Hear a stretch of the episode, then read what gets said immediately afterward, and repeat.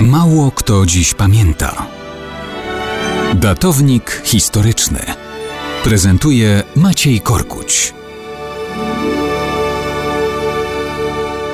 Mało kto dziś pamięta, że równe 200 lat temu, 7 kwietnia 1822 roku, doszło do bitwy na równinie Bonbona. Dlaczego mało kto dziś o tym pamięta?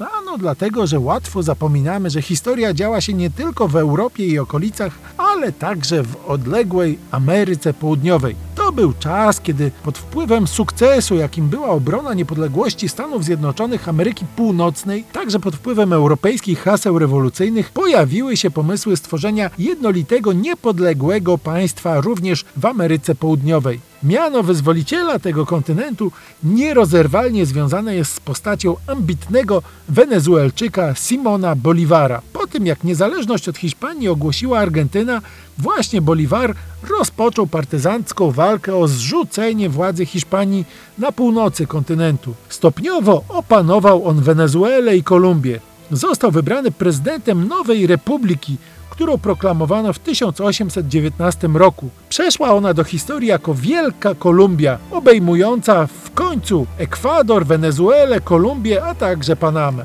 Ale oczywiście nie wszyscy tęsknili za republiką. Na zachodnim wybrzeżu Pacyfiku, na wysokogórskich równinach wokół miasta Pasto, rojaliści byli zdecydowani bronić się do upadłego. Ich flota utrudniała atak od oceanu, zmuszając Boliwara do wyczerpującego marszu przez niedostępne góry. Siły Boliwara topniały w trudach przeprawy i szarpanych walkach z partyzantami royalistów. W takich warunkach oblężenie Pasto jest utrudnione, a 7 kwietnia 1822 na równinie Bombona dobrze okopane oddziały royalistów pułkownika Basilio Garcii wycinają jedną trzecią i tak już przetrzebionych wojsk Boliwara. Wszystko przy jedynie nieznacznych stratach własnych. Dzięki temu royaliści w Pasto mogą się jeszcze skutecznie bronić przez dwa kolejne miesiące. Wprawdzie Bolivar ostatecznie zwycięża, ale jego wielka Kolumbia